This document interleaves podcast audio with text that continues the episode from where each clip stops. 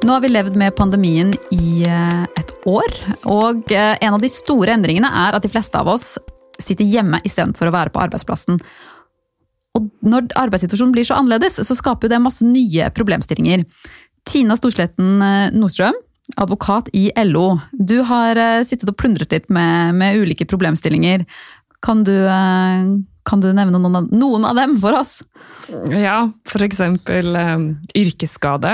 Hva skjer når vi snubler i trappa hjemme eller glir på det glatte føret utafor huset? Ja, ikke sant? Ja, Og ja. skader oss. Slår ryggen og vi må gi til sykemelding og kanskje det er skyld at vi må på AAP. Er dette en yrkesskade som arbeidsgivers forsikring skal dekke? Ja, for det Ja, hva, og er det det? Ja, det er jo egentlig det. Altså, vilkåret for at det er en yrkesskade, er jo at dette bedriftsvilkåret er oppfylt. Altså at du var på um, arbeidsstedet, og det var din arbeidstid. Eh, så det er liksom vurderingstemaene. Eh, og hvis vi er på hjemmekontor, og vi har jobber med arbeidsoppgaver, eh, og det er arbeidstida vår, så er jo egentlig dette oppfylt. Ja, ikke sant. Også, men det er sånn for når du er på vei til og fra arbeidsplassen, da, så er du jo ofte dekka eh, av eh... Nei, egentlig ikke. Nei, er, det, er, det, egne forskrifter? Nei, jeg mener forsikringer. Eh, nei, da, ja, da, altså, yrkesskadeforsikringen gjelder når du er på arbeidsplassen, og det ja. er arbeidstid. Eh, så det er ikke nødvendigvis Du må ofte ha en tilleggsforsikring for at liksom, veien til arbeidet og fra arbeidet eh, er dekka.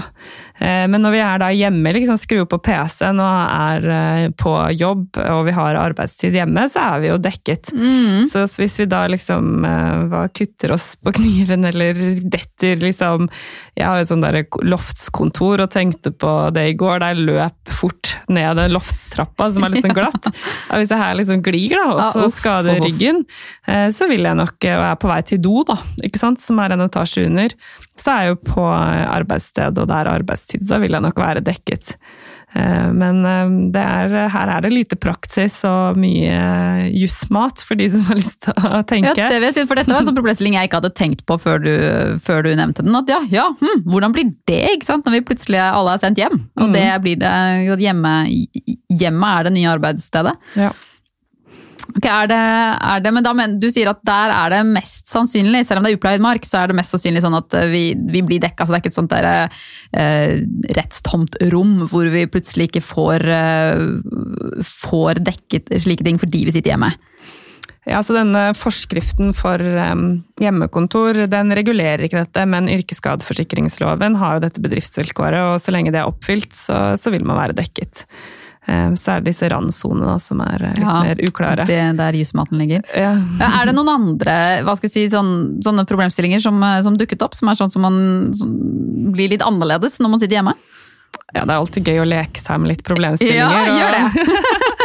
Og for meg så er jo dette aktivt likestillingsarbeid og seksuell trakassering er jo noe som har vært oppe i mitt hode en del det siste halve året. Så Eh, hvis man tenker at arbeidsgiver har jo en plikt til å forebygge og hindre da, sant, seksuell trakassering, så vil de jo ha det også på hjemmekontoret. Og eh, hvordan vil det fungere i praksis? Ja, eh, litt sånn vanskelig å tenke seg, men man vil jo kanskje ja, si at man, eh, man eh, vil arbeidsgiver da ansvar for familievold, da, ikke sant. Det er jo en form for eh, vold å bli seksuelt trakassert. Eh, hvis man da er i en familievoldssituasjon og man må oppleve det på hjemmekontor, så, så, vil jo arbeidsgiver egentlig ha en plikt til å forhindre det, eller i hvert fall identifisere det som risiko og ha noen form for tanke på hvordan dette skal eh, foregå. Det blir Å avdekke problemstillingene på en måte fordi at de skal sørge for et arbeidsmiljø som er fullt forsvarlig. Ja. Men, men, det, men, kanskje ja. mer praktisk ville være liksom akt, altså aktivt likestillingsarbeid. da, ikke sant? Men hvis man tenker kjønnsproblematikken, og nå som alle er hjemme, og hvem har da mest ansvar for, for de huslige forpliktelsene, og hvordan går det utover arbeidssituasjonen? Hvem setter på vask, og hvem tar oppvask, og hvem lager matpakker, og hvem følger til skolen? Og, og hvem klarer å melde seg ut når liksom alt står litt på hodet, og du egentlig har ja. en jobb å gjøre? Har arbeidsgiver da en plikt til aktivt likestillingsarbeid inn i den problematikken? Jeg tenker at eh, de arbeidsgiverne som tenker at de skal pålegge, eller i hvert fall ønsker en hjemmekontorsituasjon fremover, for sine ansatte, da, et, også etter pandemien, må jo liksom i hvert fall ha tenkt på hvordan disse forpliktelsene også skal løses. da. Mm. Kan bli mye spennende juss. Ja, det må jeg si. Ja, det, um, det, den er ikke like gøy, da, men bare, når du snakket om dette med seksuell trakassering, så bare tenkte jeg også på altså, dette med seksuell trakassering og mobbing over nett. altså Når vi jobber eh, når vi jobber så digitalt, mm. så kan jo det skje sånn også. og Det er jo mye vanskeligere å oppdage og avdekke. da. Absolutt. Eh, det kan jo være Ja, så da Eh, det er absolutt vanskelig å avdekke, og vi kan tenke på oss alle disse emojiene. og Det fins jo mange måter å kommunisere på som kan oppleves som støtende. Eh, ja, Eller sånn utkastelse fra et Zoom-møte, eller sant, at man ikke blir inkludert. og Mange muligheter å være kjip mot en kollega hvis du vil. Ja, ja. Eh, og da har jo arbeidsgiver en forpliktelse til å identifisere liksom, risikomomenter i forebyggingsarbeidet, men de har jo selvfølgelig også plikt til å ta tak i enkelthendelser hvis de får nyss om det. Finne ut hva som har skjedd, og på en måte ta og, og, og liksom fikse, det, fikse det, da, på, det, på best mulig måte. Ja ha noen Zoom-regler. Ja, ikke sant? Og ikke, og ikke minst liksom, at man bruker bare én plattform. Det er min, eh, min fanesak uh, til å kommunisere. Men uh, dette viser at det er Plutselig så er det mange nye problemstillinger vi må tenke på når arbeidssituasjonen har endret seg så mye pga. korona.